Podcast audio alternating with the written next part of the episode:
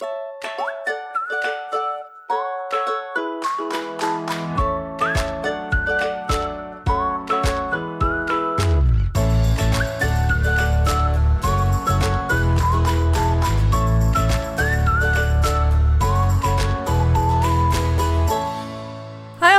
en welkom bij een nieuwe aflevering van de Wat ik wou dat ik wist podcast. De podcast waarin ik deel wat ik wel eerder had willen weten en verhalen vertel waar jij je als twintiger hopelijk in herkent. En vandaag heb ik een leuke aflevering voor jullie, een interessante aflevering, namelijk weer eentje met een gast, namelijk met Kelsey. Zij uh, zocht een tijdje geleden contact met mij, inmiddels misschien alweer een jaar geleden. En um, eigenlijk naar aanleiding van het feit dat ik een keer in een podcast zei dat ik heel graag meer mentale issues wil uh, bespreekbaar maken. Ook naar aanleiding van een aflevering die ik had gemaakt over burn-outs. Natuurlijk een, uh, iets wat veel voorkomt onder twintigers, onder dertigers, onder millennials in het algemeen op dit moment. Um, maar um, mentale pro problematiek is natuurlijk veel breder dan dat. En wat ik daar zelf altijd heel lastig aan vind, is dat ik het heel graag wil begrijpen. Maar dat soort dingen spelen zich vaak heel erg in iemands hoofd af. Dus de enige manier om erachter te komen hoe het nou is om zoiets te hebben, is om met zo iemand te praten. En daar wil ik heel graag mijn podcast ook voor gebruiken. Om die mensen een podium te geven, zodat we met z'n allen ja, meer bewustzijn hebben over mentale problematiek, er makkelijker over gaan praten met elkaar, want vaak ligt er ook nog best wel een taboe op. Um, en elkaar beter gaan begrijpen wat dat betreft. En hoe kan dat beter dan door een podcastluisteraar, Kelsey, uit te nodigen, aangezien zij met deze issues dealt. Zij heeft de diagnose um, dwangstoornis en persoonlijkheidsproblematiek gekregen. En dat heeft best wel lang geduurd. En nu, na tien jaar, um, heeft ze uiteindelijk de juiste behandeling daarvoor gevonden.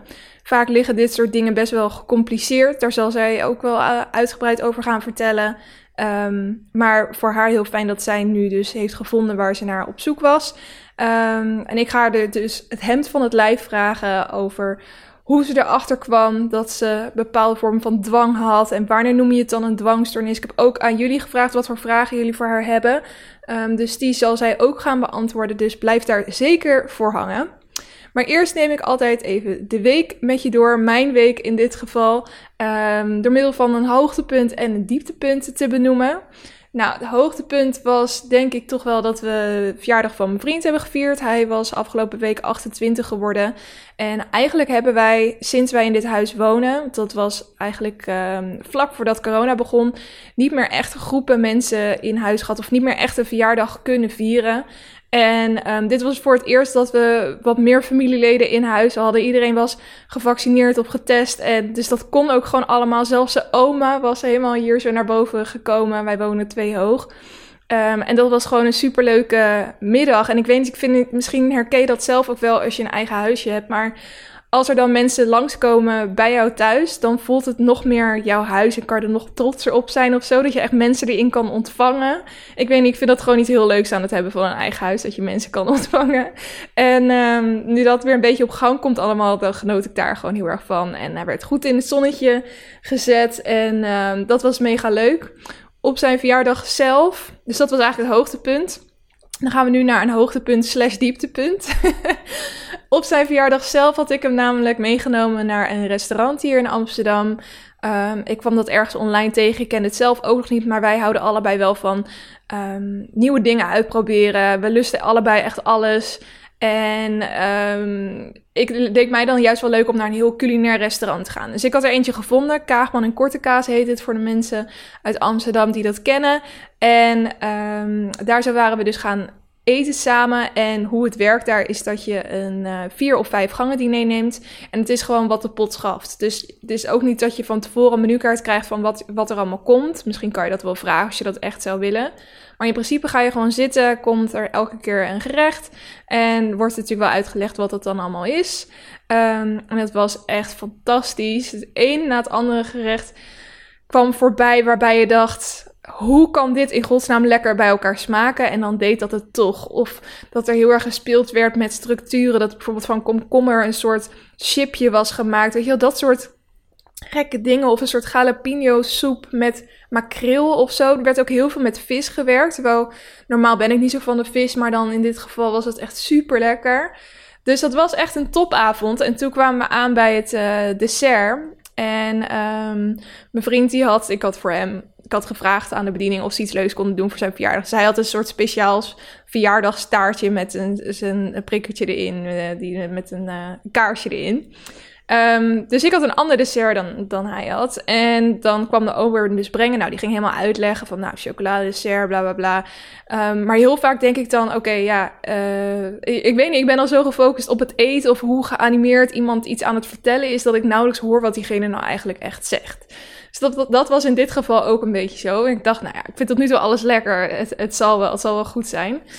Toen ging ik dus dat uh, gerecht eten en... Um, ja, er, lag onder de chocoladesaus een soort langwerpig ding. En ik wilde het eerst in stukjes snijden, maar ik had eigenlijk pas toen ik het naar mijn mond bracht, doordat het eigenlijk best wel een groot stuk was, dacht ik, nou ja, is ook niet erg. Het is allemaal chocolade, karamel, whatever. Dus ik stop dat hele ding in mijn mond. Blijkt het anchovis te zijn. Nou, ik ging echt bijna over mijn nek. Want Ten eerste ben ik niet zo fan van anchovies. Maar goed, ik had wel meer dingen die avond gekregen waar ik niet zo van houd, maar die dan toch super lekker gemaakt waren. Ten tweede zag ik het gewoon niet aankomen. Dus je hebt een heel zoet dessert en opeens ligt er één super zout stuk vis in. Met die chocola in mijn mond, nou, ik werd niet goed. En ik dacht ook dat er nog een, uh, dat er een soort, een soort bordje in me, nou, dat kan waarschijnlijk niet eens, maar dat dat in me keel bleef haken. Dus nou, ik begon bijna te hyperventileren in die zaak. Uiteindelijk heel veel water gedronken en wat er dan ook op tafel stond om het weg te drinken. En vooral niet meer erover nadenken, want ik merkte ook dat mentaal zat ik alleen maar terug te denken aan die anchovies die mijn keel in was geglibberd. En ik kon gewoon nergens anders op focussen. En wat op een gegeven moment was ik dan wel weer bedaard. Vriend zat me alleen maar een beetje uit te lachen. dus daar maak je nou druk om. Um, maar de andere tafels die kregen dus hetzelfde uh, menu die avond. En wij waren als een van de eerste daar gaan zitten. Dus we kregen ook als een van de eerste mensen dessert. Maar ik zag dus dat het dessert aan alle andere mensen ook werd uitgeserveerd. Dus ik zat af en toe een beetje mee te luisteren. En inderdaad, hij had wel gezegd dat er anchovies in zat. Um, en die mensen die zeiden oh, oh, bijzonder, bijzonder. En die hadden het gewoon in kleine stukjes gesneden en een beetje geproefd van, oh, nou, bijzondere smaak. Je kon best wel goed andere gesprekken mee luisteren. Dus dat zat ik af en toe te doen. Maar ik zat echt te wachten tot er nog iemand bijna over zijn nek in ging. Omdat ze het niet door hadden. Maar blijkbaar was ik toch echt de enige. Nou ja, dat was dus. Uh, ja, ik weet niet. Ik, ik heb daar gewoon de hele avond last van gehad. Dan was het zo leuk. Zo lekker eten allemaal. En dan zo'n dingetje kan het dan net een beetje verpesten. Maar goed, als dat het ergste is wat je in een week overkomt, dan heb je wel een goed leven hoor. Dus uh, helemaal niks gezegd daarover. Um, dan gaan we door naar het lekker loeren blokje, waarin ik op een luchtige manier de week van de celebrities met je doorneem en kijk wat BN'ers allemaal hebben gedaan. Even beginnen met Femke Louise, want op de dag dat mijn vorige podcast uitkwam, die middag maakte zij dus bekend dat zij inderdaad een relatie heeft met Denzel van Love Island een aantal seizoenen geleden. En dat ze zwanger is. Het was een hele artsy video geüpload op haar Instagram. Um, deze geruchten die gingen al wel langer. Alleen ze moesten blijkbaar echt wachten tot een bepaald punt, een bepaalde dag om het naar buiten te brengen. Uh, ook omdat zij het Cosmopolitan cover verhaal zijn, zag ik. Ze hadden ook zo'n cover uh, gepost allebei op hun Instagram. Ik denk dat dat de reden was dat ze er zo lang geheimzinnig over bleven doen. Maar goed, de roddels gingen dus al langer. Alleen nu is het ook daadwerkelijk bevestigd. Ik was redelijk in shock. Um, ik vind het persoonlijk niet echt een fantastische match. Femke Louise en die Denzel van Love Island. Ik um, weet niet of je dat seizoen ook hebt gezien, maar hij is zo ja, volwassen, nuchtere, intelligente man. Zo komt hij in ieder geval over. En ik zie Femke Louise toch ook nog best wel als een kind, als um, ja, die wel gegroeid is van de fouten die ze heeft gemaakt, maar die ook gewoon um, ja, best wel beïnvloedbaar is. Ook als vorig jaar natuurlijk met dat hashtag ik doe niet meer mee. Eigenlijk was het gewoon een beetje sneu hoe zij... Zij laat zich best wel beïnvloeden door andere mensen en daarin meegaan. Waardoor zij best wel jong op mij overkomt. Zij schelen niet eens heel veel jaar. Volgens mij maar twee jaar of zo. Maar daardoor vind ik het gewoon een hele bijzondere match. Maar ja, yin-yang. Misschien werkt dat ook wel weer heel goed samen. Um, ik denk niet helemaal dat dit expres was, die zwangerschap. Volgens mij hebben ze er ook niet echt uitspraken over gedaan. Ehm, in ieder geval het interview wat ik had gekeken, liet ze het een beetje in het midden. Maar ze waren er wel ontzettend blij mee, uiteraard. En uh, ja, ik weet niet. Ik ben benieuwd wat dit, ja, hoe dit voor hun gaat zijn. En ik hoop natuurlijk dat het uh, een, lange, gelukkige relatie wordt. Waarbij ouders forever bij elkaar zijn. Um, maar we moeten het nog maar even afwachten. ze staat dus ook in de Cosmopolitan als je heel het verhaal wil lezen en zien. Um, dan iemand anders die eerder dit jaar, uh, ja, waar wat drama rondom ontstond. Dat gaat namelijk om Bilal Wahib. Hij had toen in een livestream aan een uh, jongetje gevraagd of gezegd van... laat je piemel dan zien, dan krijg je zoveel duizend euro van me. En um, ja, daarvoor is hij natuurlijk best wel aan de schandpaal genageld. Ook uh, opgepakt. Alle media vielen over hem heen. Mocht nergens meer optreden, et cetera, et cetera. Waren de meningen toen een beetje... Ja, die waren een beetje verschillend daarover. De ene die zeiden van, nou, goed recht... Uh, um, dat is ook belachelijk dat je zoiets zegt. Wat een pedo, uh, je moet achter de tralies. En um, had je ook de media die daar ontzettend dus op die manier op ingingen. En aan de andere kant had je dan mensen die zeiden van ja, het is een jongen die echt een hele, hele domme fout heeft gemaakt. Maar verdient hij het echt dat hij nu zo aan de schandpaal wordt genageld? Dat was een beetje hoe dat toen ging. Inmiddels is het alweer een paar maanden geleden en hij probeert dus weer een beetje aan zijn carrière te werken. Zit veel in de studio, nummers opnemen. Um, maar hij heeft natuurlijk dus nog niks uitgebracht qua muziek of films of whatever. Maar ja, dat wilde hij op een gegeven moment wel weer gaan doen. En um, hij blikt dus eigenlijk in de nieuwe Linda Meijden. Die komt 18 augustus uit, zoals uh, de dag dat deze podcast ook online staat. Um, doet hij voor het eerst echt zelf zijn verhaal sinds dat hele gedoe eerder dit jaar. Dus ik ben, uh, ik ben, ik heb een abonnement ook, dus ik zal hem ook wel binnenkrijgen. Dus ik ben wel benieuwd wat hij daarin allemaal gaat zeggen. Ja, en hoe, hoe zoiets dan verloopt om dan uit die put te kruipen en hoe mensen op je reageren lijkt me een lastige weg. Maar goed, hij zegt ook zelf, um, ik had hier zo een quote, even kijken. Wat zei hij nou zelf erover? Hij zei, als het me straks nog niet gegund wordt om mijn carrière weer op te bouwen, dan is dat maar zo. Ik leef voor mijn muziek en voor mijn acteren en ik zal altijd muziek blijven maken. Daar heb ik eigenlijk niemand voor nodig. Dus ja, hij weet ook wel dat, dat het waarschijnlijk heel lastig gaat worden allemaal. Dan tot slot um, Britney Spears. Die, um, ja, daar is een hele rechtszaak rondomheen geweest. Omdat haar vader dus haar curatorschap deed. Waardoor zij dus eigenlijk bijna geen eigen beslissingen mocht maken. En dat heeft voor best wel wat mentale problemen bij Britney Spears gezorgd.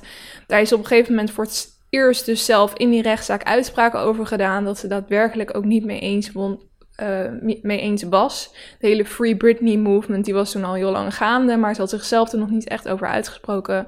Dat had ze toen wel gedaan. Nou ja, wat is er uit die rechtszaak gekomen?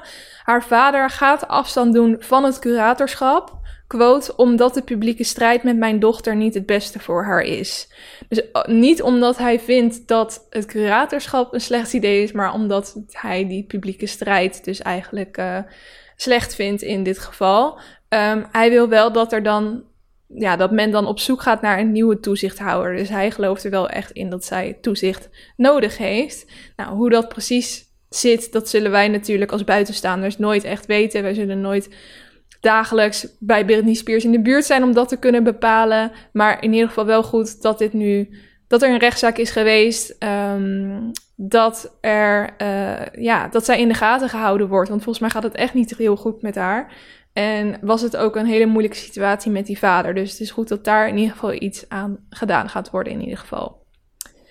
Goed, dan gaan we van het lekker loeren blokje door naar het lekker leven blokje, waarin ik allerlei tips geef om jouw leven leuker te maken. De eerste tip die ik wil geven, en die ik ook al wel deels uh, eerder heb benoemd in mijn afleveringen, is de Broers podcast. Volgens mij staat die ook op één op Spotify. Um, en hij is van Sam en Rijk Hofman. Ja, ja, de broertjes van. Uh, ik moet het er toch maar even bij zeggen, want niet iedereen kent ze daar misschien van. Maar Rijk Hofman, die heb je misschien ook al wel een aantal keer op YouTube gezien. Hij deed mee aan Expeditie Robinson. Toen zat hij zo super lang in zijn eentje op zo'n eiland.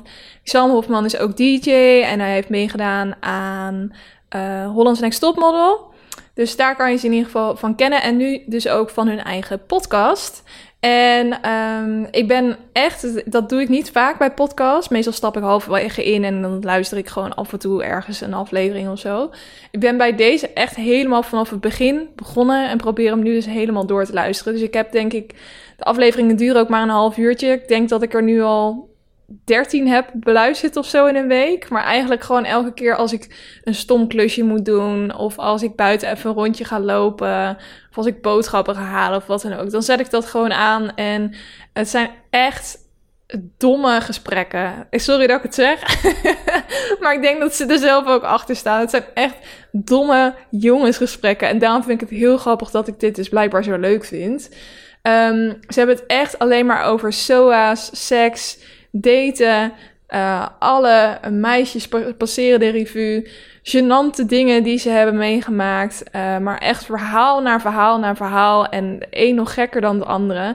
Het zijn gewoon echt gestoorde broers die zich non-stop in de problemen werken. Of dat nou op werkgebied is of met vrouwen. Maar um, er gebeurt gewoon altijd wat in hun leven volgens mij. En dat zorgt natuurlijk wel voor hele goede verhalen.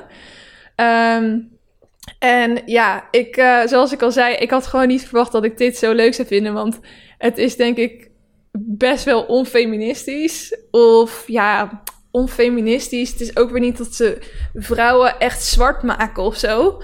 Maar uh, het is wel lekker objectiverend vaak.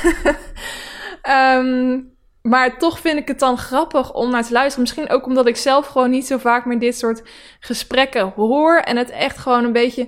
Het is een beetje alsof zeg maar ik in de keuken uh, wat aan het doen ben of zo. En ondertussen zit mijn vriend. Al zou hij denk ik nooit dat soort gesprekken hebben met vrienden. Maar stel hij zat mijn vriend met vrienden uh, aan het bier zitten en allemaal domme, slechte verhalen zitten te vertellen. Dat idee krijg ik een beetje ermee. Een soort van backseat listening of zo bij een gesprek wat je eigenlijk niet had moeten horen. Zo voelt het een beetje voor mij. En daarom vind ik het toch ook wel heel erg uh, vermakelijk. Ook gewoon om die broers wat beter te leren kennen. Um, ik wist al dat ik die Rijk heel grappig vond, maar die Sam is op zich ook wel heel grappig. Ook heel raar in sommige gevallen. Hij kan eigenlijk helemaal niet zo goed met meisjes, maar krijgt er wel heel veel op een of andere manier. um, dus dat wilde ik even delen over de Broers podcast. Misschien luister je hem al lang, misschien nog helemaal niet. Maar dan is dat een tip. Verder heb ik een kooptip. ik ben echt zo laat met dingen. Dit is ook zo'n ding waar ik heel laat mee ben. Wij hebben eindelijk een airfryer in huis. We wilden dat al best wel lang, alleen het is toch best wel een prijzig ding. Dus het was ja, eerder dit jaar, in het, het, voorjaar bedachten we dat al. En toen was zo van, nou, we kunnen net zo goed wachten tot onze verjaardag en dan vragen we. Het is nieuw dat we voor zijn verjaardag gevraagd. En uh, sinds dit weekend hebben wij dus een airfryer in huis. Gisteren hebben we hem voor het eerst uitgeprobeerd. En um, we hadden dus gewoon kaas of vlees of zo. Um, voor oven en airfryer stond erop. Nou, je flikkert dat in je airfryer, je zet hem acht minuten aan en ze komen eruit alsof je het echt besteld hebt op het terras. Nou, ik was helemaal amazed. Ik wist dat het chill was om een airfryer te hebben, maar nu besef ik het ook pas echt. En je kan natuurlijk ook nog heel veel andere dingen als snacks erin maken. Ik zie ook dat mensen vaak afbakbroodjes erin doen. Of zelfs hele uh, pangerechten. Ik heb nu ook de app gedownload waar allemaal recepten in staan. Echt mega chill. Dus ik ben er nu al super blij mee. Um, mocht iemand dit willen weten, het is de Philips Airfryer XL. Dat zag ik dat het online toch wel vaak werd aangeraden. XL klinkt heel groot, maar het bakje zelf is eigenlijk niet eens zo heel groot waar je het dan uh, allemaal in doet. En als je voor meerdere personen patat erin wil doen, dan heb je toch wel zo'n grote bakje nodig. Dus um, ja, koop een airfryer, jongens. Ook omdat het natuurlijk gewoon gezonder is dan frituren. Dat zouden we sowieso niet, niet doen hoor. En echt zo'n frituur kopen, want stinkt heel je huis ook van. En uh, dat niet, maar hier ben ik wel heel erg blij mee. In ieder geval, als iemand nog een heel lekker, simpel airfryer recept heeft, mag je dat ook altijd naar me doorsturen. Want uh, ik vind het wel leuk om dit ding wat vaker uit te gaan proberen. En tot slot een doe-tip. Het is uh, ja, geen hele moeilijke, ook geen hele vernieuwende, maar wel een hele leuke. En dat is het terugkijken van je foto's en filmpjes. Toevallig heb ik dat afgelopen week heel veel zitten doen. Um, ik was uh, iets aan het voorbereiden voor iets waar ik niks over kan zeggen. maar daarvoor moest ik dus ook echt mijn archieven in terug om te kijken ehm, wat voor foto's en filmpjes ik van het verleden had die geschikt zijn voor die situatie. En toen kwam ik ook echt dingen tegen. Nou, gênant, maar ook wel weer heel leuk om dan ja, gewoon weer helemaal teruggetransporteerd te worden naar die tijd en hoe je toen voelde en waar je toen van hield, wat voor muziek je luisterde en dat ik naar concerten was gegaan in die tijd van bands die je nu helemaal niet meer kent of um, ik weet niet, gewoon echt grappig om weer terug te zien. Want je vergeet heel vaak wat voor levensfases je allemaal al hebt doorlopen. Totdat je dat soort dingen dan opeens weer ziet. Dus um, dat vond ik heel erg leuk om te zien. En ook um, was mijn moeder afgelopen weekend jarig. En toen had ik echt een fotoboek van mij. Toen ik vijf was of zo tevoorschijn gehaald. En dat werkt ook zo verslavend. Voor je het weet zit je de hele avond alleen maar foto's door te bladeren. En iedereen zat vooral heel erg om mijn foto's te lachen. mijn broer zus waren er ook. Die zijn een stuk ouder dan ik. Die zagen af en toe ook dan zichzelf zo erin terug. Toen zij nog uh, puberende tieners waren en zo. Ja, het, ik weet niet. Het, het brengt gewoon ook wel weer hele leuke gesprekken met zich mee. Het is altijd leuk om herinneringen op te halen aan, van dingen die je in het verleden hebt meegemaakt of hebt gedaan. En gewoon alleen al om te beseffen hoeveel je in godsnaam al hebt gedaan. Soms voelt het wel eens alsof je een soort van stilstaat of iedereen de vetste reizen maakt. De coolste dingen doet en alsof jij echt niks meemaakt, saaiste leven ever hebt. En als je dan fotoboeken terug gaat kijken of überhaupt digitaal al je foto's en filmpjes, dan besef je pas weer hoeveel leuke dingen je al hebt gedaan en hoeveel mooie herinneringen je al hebt gemaakt. Dus dat wilde ik ook eventjes als tip meegeven. Simpele tip, maar wel een hele leuke tip. Zeker nu het weer weer zo omgeslagen is. Je kijkt nu naar buiten en het waait en het miezert en het is gewoon herfst. Um, maar laten we het daar vooral niet over hebben. Um, ja, dus dat was het Lekker Leven blokje. Dan gaan we nu door naar het hoofdonderwerp. En daarvoor uh, heb ik een interview met Kelsey. Zoals jullie weten vind ik het heel fijn om in mijn podcast uh, kwetsbaarheid te behandelen. Allerlei verschillende taboe onderwerpen. En psychische problematiek is natuurlijk ook zo'n taboe onderwerp. Uh, en dat terwijl er eigenlijk heel veel mensen zijn die er last van krijgen. Nou, Kelsey die luisterde mijn podcast en die bood aan om te gast te zijn. Ze kreeg de diagnose dat ze een dwangstoornis heeft en trekken van persoonlijkheidsproblematiek. En nu na tien jaar heeft ze de juiste behandeling gevonden. Dus welkom Kelsey. Ja, dankjewel. Zeg ik je naam goed? Kelsey? Ja, Kelsey. Kelsey. Kelsey. Ja, ja okay. Kelsey. Ja. Onze namen lijken best wel op elkaar. Grappig. Ja. Uh, maar superleuk dat je te gast wilde zijn en heb ik je zo goed geïntroduceerd? Ja, ik denk het wel. Oké, okay, top. Ja, ik vind het een heel uh, complete complete ja, intro introductie, ja. Oké. Ja. Nou, in ieder geval in onze voorgesprek gaf jij aan dat er best wel weinig te vinden is over psychische problemen. Kan je daar misschien wat meer over vertellen? Ja, ik, uh, zoals ik al zei, ik kamp er dus al best wel heel erg lang mee. En ik dacht eerst altijd van ja, ik, ik, ben, ik ben gek of wat is er met mij in de hand, zeg maar. Ja, ik merk dus dat er eigenlijk, um, dat, er, dat er wel steeds meer dingen naar buiten komen, zeg maar. Maar toch doen mensen er toch nog wel een beetje een soort van vaag over. En dan praat ik bijvoorbeeld met klanten of met mensen in mijn omgeving erover. Ja, want van, voor de duidelijkheid, jij bent kapster, toch? Ja, klopt, klopt. En ik werk voor mezelf. En, um, nou, en ik ben er gewoon op mijn Instagram ook echt heel erg open over. Um, en dan, dan, nou ja, dan komen dus klanten bij mij in de stoel en dan zeggen ze: Ja, ik zag dat op jouw Instagram. Oh, dat heb ik dus ook.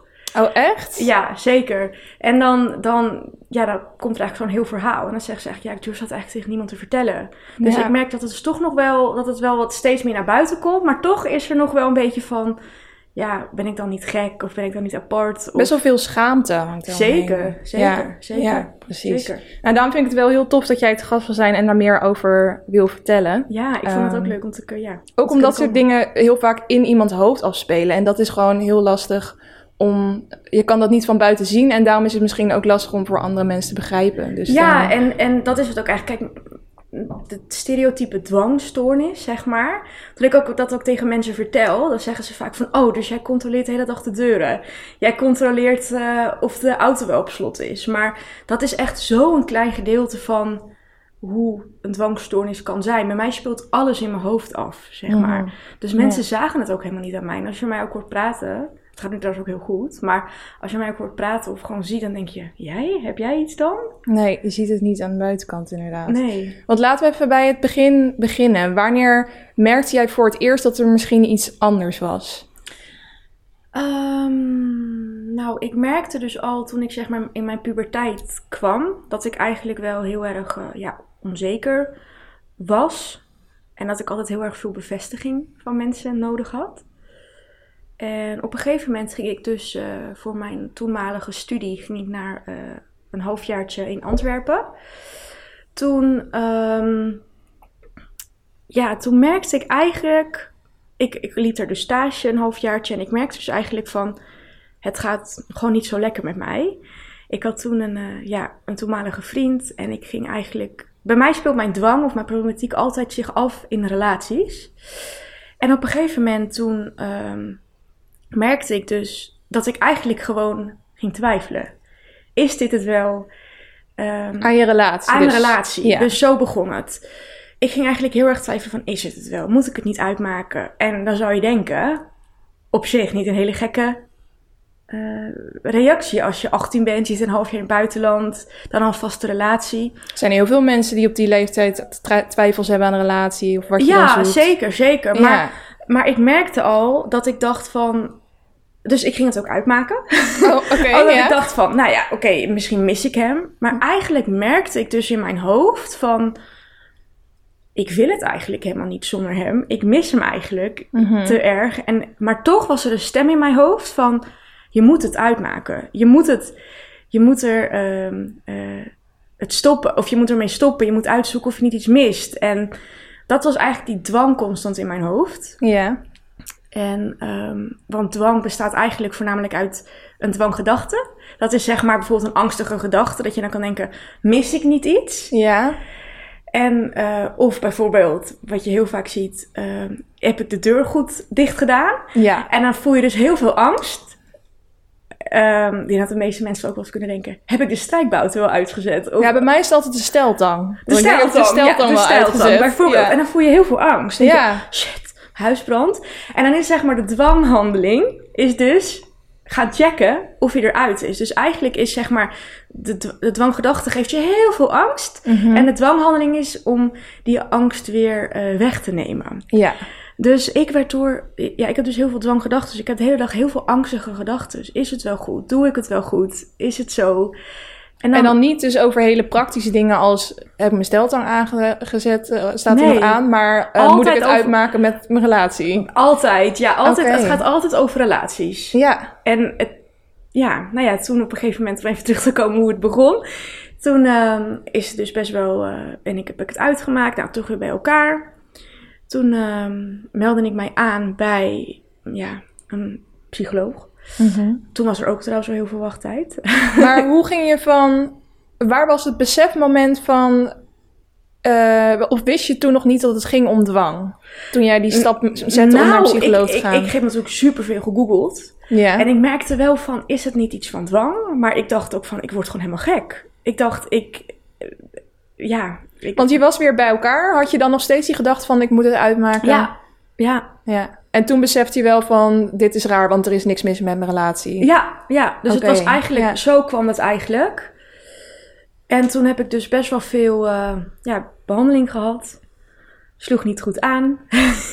Want wat was die behandeling in eerste instantie? Eh, de behandeling ja, was cognitieve gedragstherapie. Dat houdt eigenlijk in dat je ehm, ja, erop gaat inzoomen van... is een gedachte wat je denkt, is dat waar? Is dat... ehm, ehm, ja, je gaat heel erg kijken van... Ja, je gaat je gedachten zeg maar een soort van uitpluizen. Ehm, en in mijn geval was dat ook eigenlijk dat ik dan... Mijn opdracht was eigenlijk van, oké, je hebt nu een gedachte... maar je gaat zeg maar de dwanghandeling, dus het het ding om het weg te nemen... dat ga je uitstellen. Dus je moet eigenlijk gewoon denken, hé, hey, ik heb weer een gedachte... daar is het weer, laat het Mhm. maar gaan, hier ga je niet op in. Ja. Dus dat was eigenlijk mijn therapie. Jou, wist jouw vriend op dit moment dat jij hiermee zat? Of jouw ex inmiddels? Mijn- maar, Ehm, ja, ja, zeker, zeker. ja. Want dat lijkt me ook gek voor hem dat, hij, dat, dat jij dan in een... eh, eh, dat hij weet dat jij constant de gedachte hebt... ik moet het eigenlijk uitmaken met Ja. jou, maar ik doe het niet. Ja, ja maar dat, dat lijkt me ook super lastig voor hem. Dus ik, ik kan me ook realiseren, of ik realiseer me ook maar al te goed dat, ja, klinkt een beetje raar, als je mij een relatie eh, hebt, zeg maar. Want mijn, voor, hoe noem je, ja, mijn huidige vriend, Ja. die, ehm, die gaat er ook super goed mee om. Maar ehm, je moet niet onzeker van jezelf zijn, zeg maar. Want ik kan best wel, ik kan me heel goed voorstellen dat je kan denken van, oh, gaat ze dan niet weg? Hoe zit het dan? Ja, inderdaad. Dus dat, dat ja, ze, gingen er eigenlijk, ze gaan er eigenlijk allebei eh, heel goed mee om. Ja. ja. ja. Maar je had die eh, behandeling, cognitieve gedragstherapie. Ja, ja. En dat sloeg niet aan. Nee, niet eh, goed genoeg. Ehm, nou ja, ik, op een of andere manier, het was gewoon niet genoeg. Ik merkte van, dit gaat eigenlijk helemaal niet goed. Afspraken die ook niet, niet doorgingen. Ehm, ja, dat soort ja, dingen eigenlijk allemaal. Toen ben ik naar een andere behandelaar gegaan. Mhm. En ehm, die herkende dus dwang niet. Die zag dwang niet als dwang. Oh. En die heeft dus eh, eigenlijk gewoon tegen mij gezegd van... Nou ja, prima, dan moet je het maar uitmaken. Oh, nee joh. Ja. Oh, oké. Dus ik dacht, oké, dus dat, ja, dat was ook helemaal niet fijn. En toen dacht ik, nou ja, oké, dan moet ik dat misschien maar doen. Want dan ben ik er dan maar misschien... Dan ging ik het dus weer uitmaken. Oh. want dan ben ik er misschien weer vanaf. Ja. Maar elke keer merkte ik ook als ik bij haar was geweest... Ik kwam zo verdrietig thuis. Ik dacht, Mhm. nou, dit gaat echt niet goed. Ja. Maar wel nog één vraag. Eh, jij maakt het dan dus uit. Ja, Had je op dat moment ook geen last meer van die dwang? Ehm, nee, want dan ging ik vervolgens alweer denken... Heb ik het wel goed gedaan? Heb ik niet de Oké. verkeerde keuze gemaakt? Dus eh, wat voor mij... Dwa ja, dwang typeert heel erg in mijn geval. Het gaat altijd om relaties. Maar het gaat echt van onderwerp naar onderwerp. Ja. Mijn huidige vriend zegt ook wel eens van... Jij hebt altijd een soort loop... Waar je altijd naar dingen kijkt. Jij zoomt altijd heel erg op dingen in. Mhm. En dan ga je daar helemaal druk over maken. En Ja. dat gaat echt van onderwerp naar onderwerp. Oké. Ja. En die tweede psycholoog, die pakte het dus eigenlijk helemaal verkeerd aan. Ja, ja. En je werd er niet blij van. Nee, helemaal niet. En ik realiseer me ook, weet je, als je bijvoorbeeld een, eh, ja, een, een psychologische eh, ja, behandeling hoeft niet altijd fijn te zijn. dat realiseer ik me altijd goed. Maar dit dacht ik, oké, dit is helemaal niet goed. Dit is helemaal niet goed. En ehm, toen dacht ik, nou, dit is niks. Nee. Toen ben ik vervolgens eh, hier naar een behandeling gegaan in ehm, Amsterdam. GGZ Ingeest ben ik Mhm. toen geweest. En dat hoort bij de VU, dus die zijn ook echt, zeg maar, ja, alles ehm, academisch. Dus je hebt echt de we- laatste wet- wetenschappelijke inzichten. Toen ben ik daar een deeltijdbehandeling gaan doen. Dat is twee volle dagen per week, negen maanden lang. Wow, dat is wel heftig gelijk. Ja, Ja. zeker. Maar zij wisten gewoon, zij gaf me zo het gevoel van, je bent niet gek, dit is je dwang die dit tegen je zegt. En ja, ze hebben me echt super goed geholpen. Ja. Ja. En ehm, nou ja, dat ging dus eigenlijk heel erg goed. dat is fijn. Je merkte gewoon dat die gedachten minder werden. ja, Ja. ja, Tot het moment dat ik uit therapie ging. Toen had ik weer een terugval. Hm. Dus toen je niet meer die twee dagen per ja, week daar zat. dus eigenlijk dacht, toen ging het heel erg goed. Want toen ging ik eigenlijk een soort van leunen op mijn therapeuten. Van, zij weten wat ik moet doen, ik kan op hun vertrouwen. En dus nou ja, je kan natuurlijk niet je hele leven lang in therapie blijven. Nee, nee. En toen gingen ze onderzoeken waar het nou eigenlijk door kwam. Dat ik eigenlijk zeg maar steeds terugviel. Oké, nou heel veel onderzoeken weer, maanden, er gaan heel veel maanden overheen. En toen vervolgens eh, hebben, zijn ze dus bij mij erachter gekomen dat ik inderdaad last had van die persoonlijkheidsproblematiek. Ja, want dat is dus weer wat anders. Ja, dat en is wat houdt vaak- dat in? dat is eigenlijk. Ik vond het wel heftig om dat in eerste instantie te horen, omdat de officiële benaming is dus een persoonlijkheidsstoornis. En ik dacht, jeetje. Dat klinkt gelijk weer een stuk heftiger. Ik dacht persoonlijkheidsstoornis. ik dacht, oh my god, weet je wel? Dat, ik dacht, nou, dat, ik schrok heel erg. Ja. En ze zeggen, ja, dat is officieel de benaming, maar als wij het je uitleggen, dan valt het allemaal echt wel mee. En eigenlijk houdt het in dat iedereen heeft natuurlijk zijn eigen persoonlijkheid, zijn eigen karaktertrekken. Maar als jouw eigen karaktertrekken jou te veel in de weg gaan staan, dus dat ze eigenlijk ehm, iets zijn waarvan jij denkt van, nou, dat wil ik eigenlijk helemaal niet van mezelf. Maar je blijft dat toch doen. Dus dat je eigen persoonlijkheid een soort van stoornis voor jezelf gaat worden. Als je het een beetje snapt wat ik bedoel. Ja, je vormt je eigen blokkade om Ik- je problemen ja, op te lossen. Eigenlijk. Eigenlijk wel, Ja. ja. En toen kwam er dus ook uit dat ik inderdaad ehm, ja, zo onzeker was. ehm, iedereen, is, iedereen is natuurlijk wel eens onzeker. Maar Mhm. het zat bij mij zo diep in mijn persoonlijkheid. Om het zo maar te zeggen, klinkt heel heftig. Maar dat herken ik dus wel weer van vroeger. Zoals dat ik dat al, altijd al had. Ik ben zo dat ik altijd van mensen wil weten of ik iets goed doe, ja of nee. Mhm. En ehm, dat was dus ook de reden dat ik dus steeds terugviel. Want ik ging me dus afhankelijk opstellen van de therapeuten. Ah, oké. Dus Dat verklaarde het dat voor jou. verklaarde het. Ja, Ja. ja, ja. En ehm, ja, best een heel lang verhaal eigenlijk, hè? Ja, nou ja, maar ik vind het heel interessant. Ja, een heel erg lang... ehm, het ook- ik denk ook zo dat het zo is dat het dat eigenlijk geen enkel verhaal van iemand die iets van een psychisch probleem heeft hetzelfde is. En dat, je, dat het ook altijd ehm, eerst een kwestie is van ontdekken waar, wat het precies is, dan waar het vandaan komt. En dan kan je waarschijnlijk pas een behandelplan echt opstellen. Klopt, klopt. Alleen eh, in, in, in psycheland, zeg maar, praten ze vaak over comorbiditeit. En dat houdt dus in dat je eigenlijk twee dingen hebt. Dus twee diagnoses. Mm, Ehm, dat wist ik helemaal niet. Dus het is vaak wel tweedelig. Ja, dus bij mij is het dus de dwang. En dan de persoonlijkheidsstoornis, om het even diagnosetaal t- ja, te zeggen, zeg maar. Ja. Ehm, maar wat het vaak heel erg is, en ik kom dus net uit een behandeltraject. En die is dus ehm, aan de andere kant van het land, in Nijmegen. ja. Dan ben ik drie volle dagen geweest, een half jaar lang. Heel ver. Wauw. Per Maar- week. Per week, ja. Ja, ja, en ik heftig. sliep daar dus ook één dag, nacht per week. Omdat, omdat ik dus die twee diagnoses kreeg, is het vaak in Nederland zo dat je behandelcentrums hebt voor één diagnose. Dus Ah. stel jij hebt dwang, dan behandelen wij niet jouw persoonlijkheid. Als jij last hebt van je persoonlijkheid, behandelen we niet jouw dwang.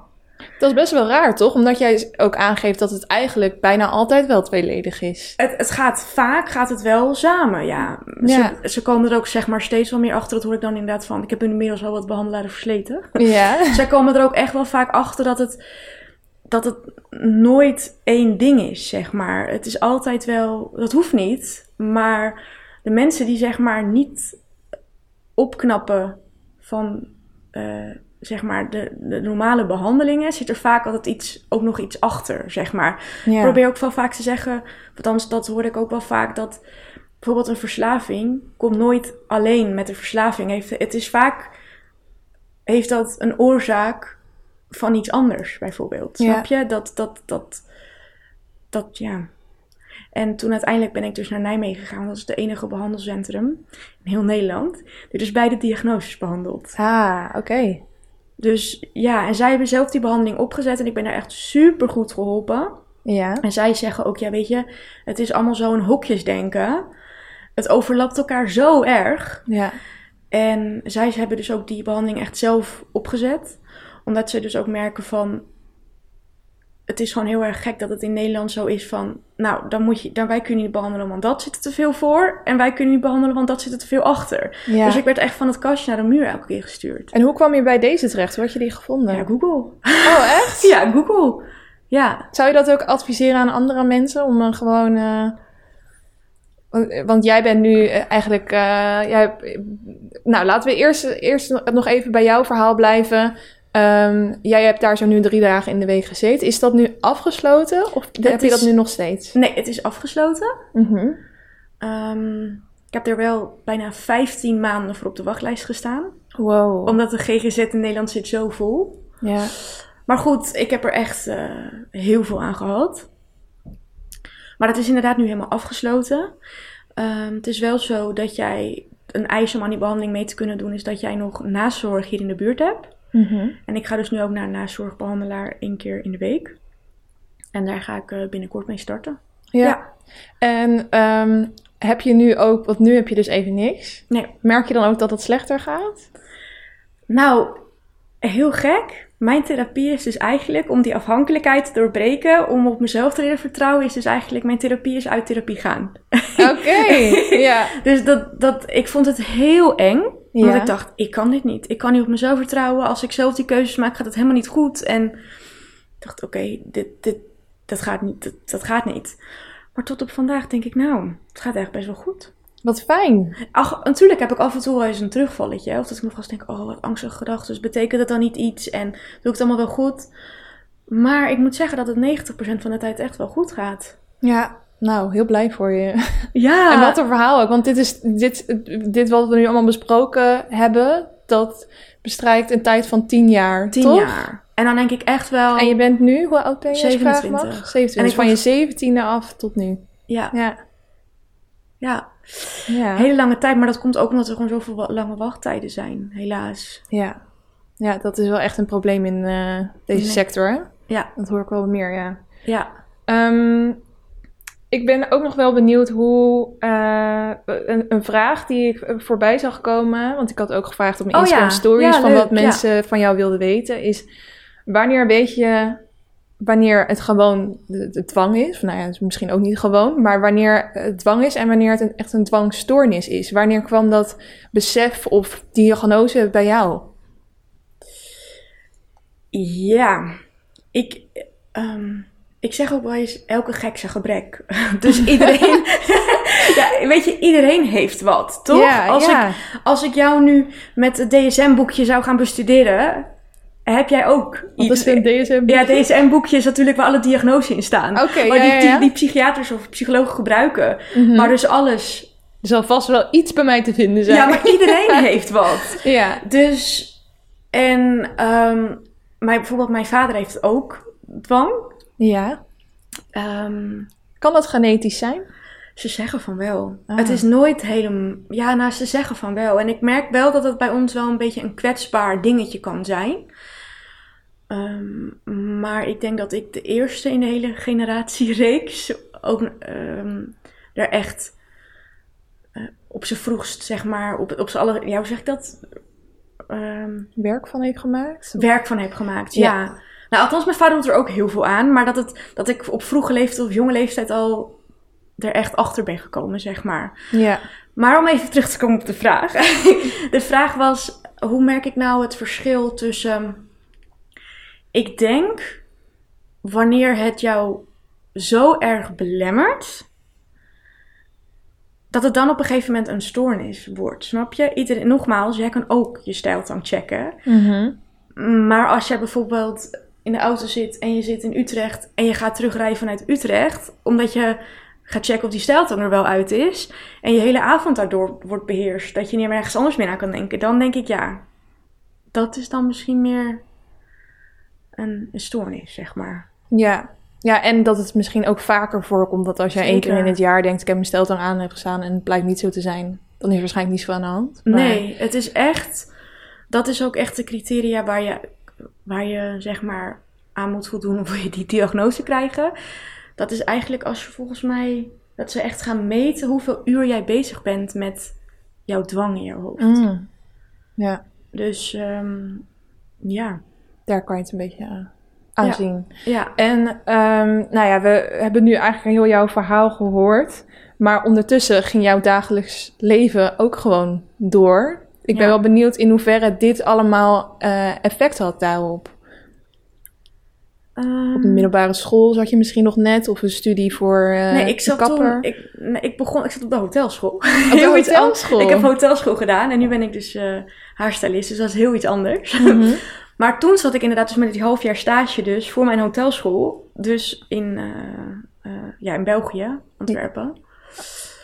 En ja, het beïnvloedde heel erg mijn... Het was mijn laatste jaar.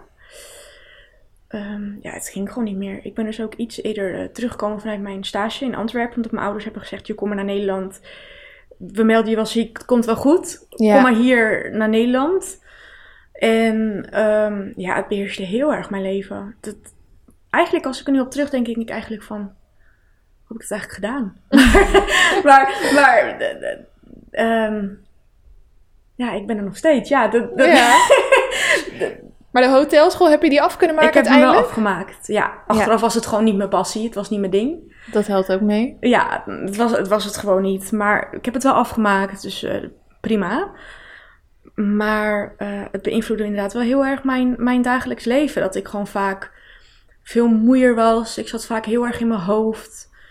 En ehm, ik, be- ik belastte de mensen in mijn omgeving ook er best wel mee. Weet je wel, nogmaals, eh, mijn toenmalige eh, vriend en mijn huidige vriend. De mensen in mijn omgeving moeten best wel stevig in mijn schoenen staan, of in hun schoenen staan. En ook, ik kan dus heel vaak bevestiging vragen. Dat is nu echt stukken minder. Mhm. Maar echt, mijn allerbeste vriendin heeft het echt flink te verduren met mij gehad. Want alles, alles wat ik ehm, deed rondom een relatie, van is dat wel goed hoe ik het doe? Ehm, mag ik dit wel denken? Mag ik wel dit? Ik ging altijd aan haar bevestiging vragen. ja. Dus het, dus ja, dus pittig voor je omgeving. ja, maar zo te horen heeft iedereen... Ja, hoe, waren er ook negatieve reacties in je omgeving? Niet dat ik weet. Misschien zullen ze er wel geweest zijn. Ehm, maar in mijn...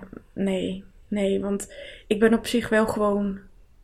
Wel gewoon zeg maar nog de Kelsey. Alleen ik had gewoon echt mijn ding daarnaast. Wat gewoon echt niet goed ging. Maar er zullen vast wel negatieve reacties geweest zijn. Maar niet die ik... eh, Niet die naar jou uitgesproken zijn, nee. gelukkig. Ja. wel gewoon veel onbegrip. Maar goed, dat is natuurlijk ook waar we mee beginnen. Of wij zijn mee, mee zijn begonnen met eh, deze podcast. Dat het nog best wel ja, taboe is. Of dat we heel veel, niet heel veel mensen het weten. Ja, en bij dwang, eh, om heel eerlijk te zijn, dacht ik ook direct aan Ja, die, dat soort kleine handelingen. Drie keer een bestekla open moeten doen voordat je wat moet pakken. Dat soort dingen. Ja, ja. En dat is inderdaad wat je heel vaak hoort. Maar het komt, dat is echt zo'n klein deel van, van, van ja, de hele stoornis, om het zo maar te zeggen. En iedereen heeft zijn eigen ding. En ze zeggen ook wel, dwang pakt jou op, op, op de dingen die jij eigenlijk, waar jij heel veel waarde aan hecht. En ik hecht gewoon blijkbaar dus heel veel waarde aan mijn relaties. Ja. En dat pakt het mij gewoon, zeg maar. Ja. Ik heb dus wel in groepen gezeten en heel veel mensen. We wisten hoe het voelde om ja, die dwang te hebben. Maar als we dan elkaars onderwerpen hoorden, dan dachten we echt, nou, dat jij daar bang voor kan zijn. ja, je begrijpt, zelfs als je een dwang hebt, dan begrijp je elkaar dus nog steeds niet. Kan je elkaar misschien Nou, we weten hoe het werkt, hoe spanning je kan hebben. Maar als ik dan wel eens denk, dan denk ik van, nou, ik, eh, ik heb bijvoorbeeld ooit iemand ehm, in een groep gehad. Zij was heel erg bang voor botulisme. Nou, ik weet niet of je ooit van botulisme hebt gehoord. Nee. Botulisme is dus eigenlijk, dat kan dus in water zitten. Ja. En dat, dat bijvoorbeeld dode eenden kunnen dat meegeven. Is het een bacterie? Volgens mij wel, want botu is ook iets met botox. Het legt je spieren plat. Oh. Dus als je dat dan hebt, of kan oplopen, dan kan je dus een soort van, ehm, ja, allerlei gekke verschijnselen krijgen. Dus dat je uiteindelijk gewoon, jouw spieren plat worden gelegd. En zij was daar zo bang voor. En ik dacht echt, ja, nou ten eerste heb ik daar nog nooit van gehoord. ten tweede, Ja. hoe groot is de kans? Maar ik wist wel hoe, hoe zwaar die dwang kan zijn. Ja. Maar onderling lachten wij ook zo erg veel over elkaar. Dat we ook gewoon tegen elkaar zeggen, ja sorry hoor, dit is weer even een gekkie actie. Maar, maar wij mochten gewoon dat tegen elkaar zeggen. Omdat we gewoon wisten van, ja. Ja. van, van we weten hoe zwaar het is, maar dat houdt het ook wel luchtig. Kon je daar ook veel steun uit halen uit die groepen en besef dat andere mensen er waren die een beetje met dezelfde dingen dealden? Heel erg. Kan ik me wel voorstellen, ja. Ja, het is heel fijn omdat... ehm, Heb je Ja. daar vriendinnen aan overgehouden? Nou, vriendinnen niet, maar de laatste, omdat ik vaak in volwassenengroepen zaten. En ik was dus echt wel vaak het jongste. Ja. In mijn laatste behandeling was dat niet het geval, maar die zit ook helemaal in Nijmegen. Hm. Dus dat is toch wel. Maar we hebben nu wel, wel bijvoorbeeld nog een appgroep en hebben af en toe gewoon contact. Hoe is het met jullie? En, en echt nog steeds een heel erg warm bad. Maar echt vriendinnen, dat niet. Nee. Nee, nee. En we hadden het net ook even over hoe je re- eh, omgeving reageerde. Dat ook gewoon heel veel mensen het niet begrijpen of misschien ook wel moeilijk vinden om mee om te gaan. Ehm, hoe zou jij, eh, stel er, er luistert nu iemand die ook iemand in zijn omgeving heeft die daarmee deelt. Hoe moet je Mhm. daar dan eh, de beste, hoe kan je daar het beste mee omgaan? Ja. Even, eh, ja. Allereerst, het is natuurlijk heel erg makkelijk om mee te gaan in die dwang. Het is, zeg maar, voor je relatie. Je, je, je, sleept of je trekt vaak je partner of wie dan ook, of familielid of iemand anders. Kan je er snel in meetrekken van, hé, check jij nog eventjes dat? Of je moet dat nog even voor me checken. Wij kunnen als mensen met dwang, als je zo hoog in die angst zit, kun je best ook wel stellig worden van, jij moet dat nu voor me gaan checken, zeg maar. Want je wil die onrust kwijt. Ja.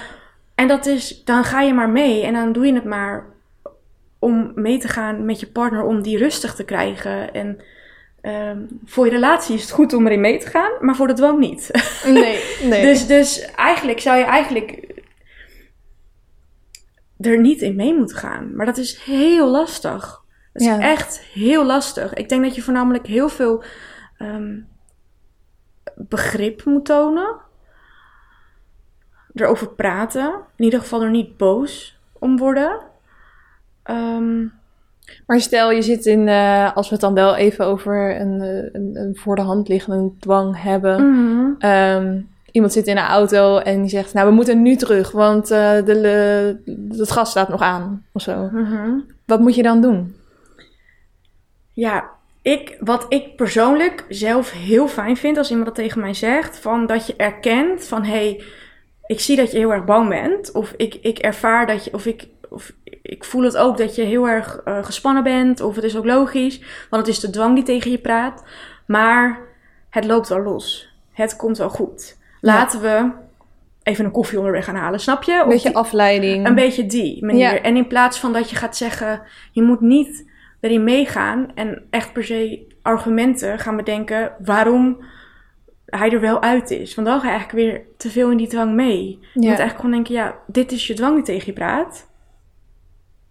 Laten we op iets anders richten. Maar wel naast diegene gaan staan, denk ik, en zeggen van, hé, hey, vervelend dat je zo bang bent. Ja. Maar wat kunnen we doen om het wat makkelijker voor je te maken? Ja. ja, om daarover door te gaan. Ik heb ook nog wat adviesvragen, specifieke adviesvragen van luisteraars binnengekregen. Oh! Dus misschien kan jij daar nog wel wat over Vertel. zeggen. Ehm, ik heb weinig details verder, maar één vraag is bijvoorbeeld... Ik heb zelf last van dwanghandelingen. Mhm. Is dat iets waar je met hulp helemaal vanaf kan komen? Ehm, ja en nee. Ik, ik heb heel veel mensen echt in mijn, in mijn omgeving gezien die er echt heel goed vanaf zijn gekomen. Maar het is een heel pittig traject, omdat je constant moet doen waar je bang voor bent. Ja. Dus je moet constant je angst aangaan. Dus het kan, zeker. Maar ik denk, als ik ook naar mezelf kijk, het blijft altijd een gevoelig puntje.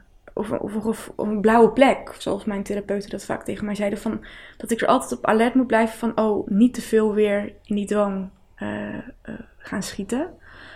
Maar ik denk als je echt een goede behandelaar vindt... Mhm. dat je echt hele goede resultaten kan boeken. ja. Ja. Deze vraag staat er niet bij. Daar wilde ik al eerder eh, over beginnen. Stel, er is iemand die heeft zoiets van... Nou ja, dit loopt echt spuigaat uit. Ik Mhm. wil hulp gaan zoeken. Mhm. Hoe kan diegene dat dan het beste doen? Ben jij naar de huisarts gegaan? Of hoe- Ja, nou ja, daar heb ik zelf ook nog wel een beetje mijn, mijn mening over. Ehm, ik heb een hele fijne huisarts. Echt heel veel liefde voor die, eh, voor die dames, zeg maar. Maar ik merk toch wat dat ze heel erg snel doorverwijzen naar een plaatselijke eh GGZ-instelling in de buurt. Mhm. Maar er is natuurlijk zoveel meer in Nederland. En ik ben zelf dus een aantal keer echt doorverwezen naar... Dus ook die dame die zei, nou, stop dan maar met je relatie. Ja. En ik dacht, ja... Ik, wat ik persoonlijk zou doen is, ik zou overleggen met je eh, huisarts. Maar ik zou ook zeker zelf echt gaan kijken op internet naar behandelingen. Maar ik zou wel altijd een behandeling zoeken die altijd wel gewoon vergoed wordt. Ja. Want het is echt een hele hoop eh, centjes, om het zo maar te zeggen. Ja. Ehm, dus zeker huisarts, maar ook echt kijken op internet en eventueel bijvoorbeeld, je hebt heel vaak nu ook, ehm, bijvoorbeeld je hebt nu de OCD-stichting bijvoorbeeld. Oké. Dat is dan de dwangstichting, om het zo maar te zeggen. Ja. En ehm, ja, daar staat ook super veel info op. Dus, en die hebben vaak ook, die werken ook wat vrij, eh, vrijwilligers. Die kan je dan bellen. En dan, zij hebben dan ook vaak weer connecties met goede behandelaren. Mm. Dus als jij weet wat voor diagnose je hebt, die je dan via je huisarts hebt gekregen, echt zelf ook je ogen open houden. Ja, een goede, goede tip. Ja. Oké, een andere vraag. Iemand zegt: Door ervaring uit het verleden heb ik angst voor mensen met een borderline persoonlijkheidsstoornis. Heb je advies voor hoe ik daarmee om kan gaan?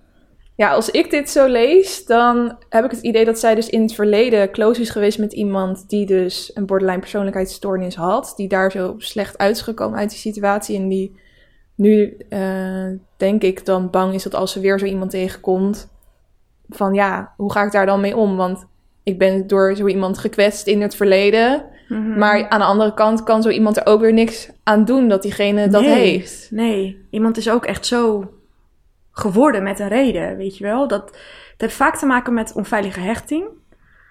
Ehm, ja, en volgens mij heeft het ook te- meer te maken dat je geen grenzen kent.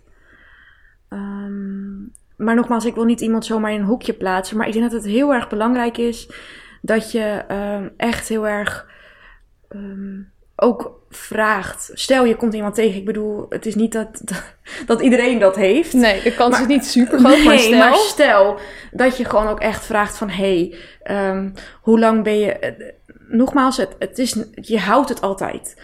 Maar je kan het wel onder controle hebben. Ja. En dat je gewoon heel erg... Dat je kijkt van... wat, wat, in hoeverre is diegene ehm, ja, niet genezen, maar heeft het onder controle? Ehm, Of misschien ook bespreken van eh, in wat voor, op wat voor manieren uitzicht dat bij jou Ja. en hoe kan ik daar rekening mee Ja. houden. en dat je ook misschien een beetje peilt van... Stel, het is een nieuwe eh, partner. Ja. Dat je zegt van, hoe zijn je vorige relaties verlopen? dat zegt ook niks. Maar dat je toch misschien een beetje kijkt van, hé, hey, ehm, zijn daar red flags of zo? Zijn daar, daar dingen in? Maar het is echt heel belangrijk, en dat is nog wel het belangrijkste van allemaal, dat je echt daarin je eigen grens ook aangeeft. En dat je dat echt heel serieus neemt. Dus echt ook die zelfzorg. ja. En dat het Ehm, ook niet erg is om jezelf te beschermen voor bepaalde situaties. Nee. Ook al kan, denk je misschien van, oh, maar diegene verdient dat niet, want die kan er zelf niks aan doen. Ja, Maar jij ook niet. Ja, Of- nee, jij ja. ook niet. Nee, je eigen geluk is ook belangrijk. Zeker. Ja. Zeker. En het, het is ook vaak wel zinvol, als, tenminste als jullie dat allebei willen, is ehm, wat ik dus vaak heb gehad. In mijn, ik heb dan geen borderline, maar ehm, als diegene bijvoorbeeld nog in behandeling zit, wordt vaak mijn partner ook uitgenodigd. Mm. Noemen ze dan systeemgesprekken en dan kan je gewoon bijvoorbeeld problemen die zich voordoen in de relatie, kan je bespreken. Maar ook van hoe kan jouw partner omgaan met eh, jouw valkuilen en hoe kan jij omgaan met of, of, of- of- ja, hoe kan jouw partner omgaan met jouw valkuilen? Dat soort dingen, zeg maar. Dus dat zou ook iets zijn. Maar echt, met stipt op nummer één, denk ook alsjeblieft aan jezelf. Ja, ja, lijkt me ook heel erg belangrijk. Ehm, dan hebben we nog een, ja, een beetje een situatieschets van iemand die ook graag ja. advies wil hebben. Ehm, ze zegt, mijn man heeft een dwangstoornis. Hij doet Mhm. dingen herhaaldelijk en denkt als hij iets niet controleert er iets ergs zal gebeuren met de kids of mij. Nou ja, eigenlijk een beetje de klassieke situatie zoals we die hebben besproken. Hij zegt dat het niks is en dat hij er geen last van heeft. Ik zie beelden via de bel dat hij vijf keer Ah. terugloopt van zijn auto om de deur te controleren bijvoorbeeld. Ehm, ik heb er wel last van en mijn kids beginnen er ook last van te krijgen. Als ze in bed liggen nog een paar keer de kamers in om de ramen te checken bijvoorbeeld. Ik wil eigenlijk dat hij hulp krijgt hulp zoekt. Hij heeft wel gesprekken met een psycholoog om andere redenen, maar hij wil dit niet bespreekbaar maken. Ik wil natuurlijk niet dat hij dingen doet die hij niet wil, maar dit heeft ook invloed op onze kids. Dus hoe raad jij aan om dit aan te pakken? Oei. Lastig als er een hele gezinssituatie bij komt kijken. Zeker. Ja, heel lastig. Er zijn een aantal dingen die in gelijk in me opkwamen. Dat is eigenlijk één ding. Kijk, ik vind het zelf ook lastig te accepteren. maar je kan iemand niet dwingen. Snap Nee. je? Je kan niet tegen hem zeggen: jij moet dat doen. Nee. Maar aan de andere kant denk ik ook wel weer van: kinderen nemen vet veel over. Hè? Die, die, die, die, die zien dat. Dus Als kunnen zien ook- dat hun vader elke dag vijf keer de ra- Nou. hun ramen aan het controleren is, dan, denk, dan ga je misschien ook wel denken van, oh, er is mis- misschien wel iets waar ik voor beschermd moet worden. Of- Zeker. ja. Zeker. Ehm, en ik denk ook gelijk van, daar ga ik weer over nadenken van waarom doet die vader dat? Kijk, dan kan je ook dus weer denken van, misschien is hij gewoon heel erg bang om iets te verliezen, weet je wel? Dat is dan weer dat verlatingsangststukje. Dus snap je, het zijn vaak Mhm. heel vaak dingen bij elkaar. Maar, ehm, ja, heel erg lastig. Ik denk, kijk, boos worden helpt sowieso niet. Dan ga je alleen maar knallen tegen elkaar. Dat, dat gaat niet. Maar ik denk dat je wel op een gegeven moment kan zeggen van... hé, hey, ik snap dat het heel erg lastig voor je is... maar onze kinderen... dat jij dat wil controleren... ja, moet jij weten, zeg maar. Maar ik en mijn gezin... die, gaan, die worden er ook mee belast. En ook omdat kinderen veel dingen... Uh, nogmaals overnemen, denk ik dat je dat op die manier wel zo kan, ja, misschien kan brengen. Dat je gewoon zegt van, hé, hey, um, ik merk gewoon dat, dat, het, dat het te veel druk zet op mijn kinderen, en, of op onze kinderen, sorry, en, en op mij. En um, ik zou het heel erg, uh, ik vind gewoon echt dat je daar iets uh, aan moet gaan doen. Of wat kunnen we daarmee doen? Of ja, ik vind het hele Ja. lastige situaties. Ja, maar ik denk eigenlijk hoe zij het eh, hier heeft verteld aan ons, dat ze het misschien ook op die manier aan haar man moet brengen. En misschien heeft ze dat ook wel gedaan. Ja, Maar misschien moet je het gewoon eh, ja, vaker bespreken. Niet op een aanvallende manier, maar gewoon van hè, ik maak me zorgen. Niet alleen om jou, maar ook om ja de kinderen zeker. en het gezin. Ehm, en dat je ja, gewoon door, door zachte communicatie, denk ik, dat je Mhm. er toch het vers kan komen, toch? Ja, zeker. Zeker. Ja, Ja. maar wel moeilijk. Ja, Omdat je gewoon nogmaals iemand niet kan dwingen. nee. Maar wanneer het echt inbreuk gaat hebben op jou en je gezin, dan denk ik, ja, dan kan je wel daarin je grens aangeven. Van hé, hey, nu krijgen wij er ook last van. Ja, precies. Maar naar voor die, voor die, eh, voor die eh, ja, meneer ook. Ja, natuurlijk. Ja, dat Ja. wil hij zelf natuurlijk ook niet. Nou, tot slot ehm, zei iemand: Dit is geen vraag, maar ik vind het gewoon heel fijn voor je dat je nu eindelijk de hulp krijgt waar je naar op zoek was. Oh, wat lief. Ja. nou, ik gun dat iedereen. Ja, dat snap ik. Maar ik hoop ook dat met dit, eh, dit verhaal, dat misschien mensen zich hierin herkennen. En dat ze een beetje weten hoe ze er zelf mee om kunnen gaan. Of als mensen het in hun omgeving het hebben. Of dat ze nu weten van hoe ze het aan kunnen pakken. Eh, en misschien ook gewoon fijn om wat herkenning te hebben door jouw verhaal. Dus ja. ja, nogmaals heel erg bedankt dat je hier zo te gast wilde zijn. Ja, nou, ook bedankt dat ik Is er nog iets zijn. wat je nog niet hebt vermeld, dat je nog graag wil noemen? Misschien vinden mensen het, eh, het, eh, misschien vinden mensen het leuk om mij eh, te volgen op Instagram. Ik, het is mijn werkaccount. ik plaats er dus heel veel kapsels op. En haar en alles met ja, haarkleuringen. maar ik plaats er ook heel veel op over eh, mijn reis in de mentale eh, gezondheid. En ook heel veel tips en tricks.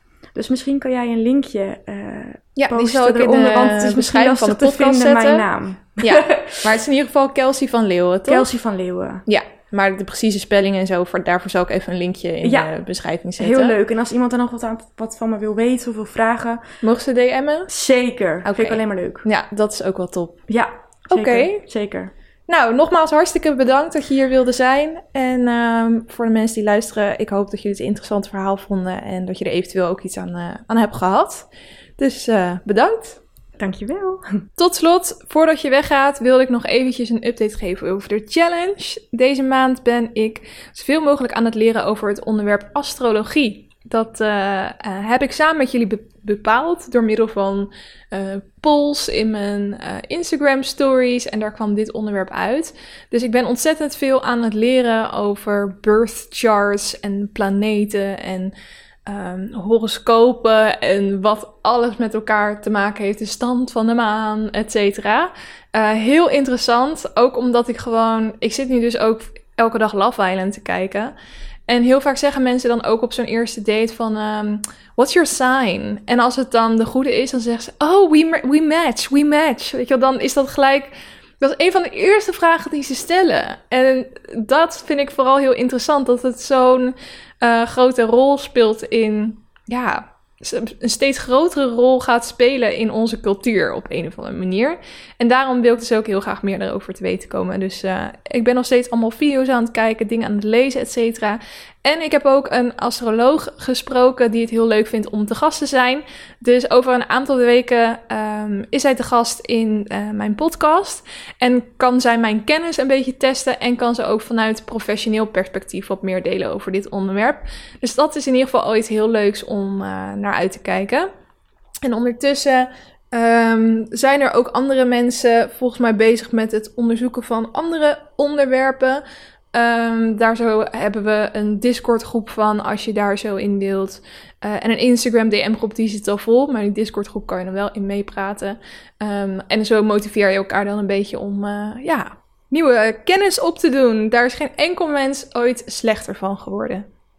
Dus dat over de challenge. Um, bedankt voor het luisteren naar deze aflevering. Ik hoop dat je het interessant vond. Uh, ga Kelsey dus zeker eventjes volgen online als je meer van haar te weten wil komen. Um, ik wil haar in ieder geval heel erg bedanken dat zij haar verhaal hier wilde doen. En dat heb ik al uitgebreid gedaan. Um, dus ik ga de aflevering nu afsluiten. Ik hoop dat je een fijne week hebt en dat je er volgende week ook weer gezellig bij bent. Oké, doei doei!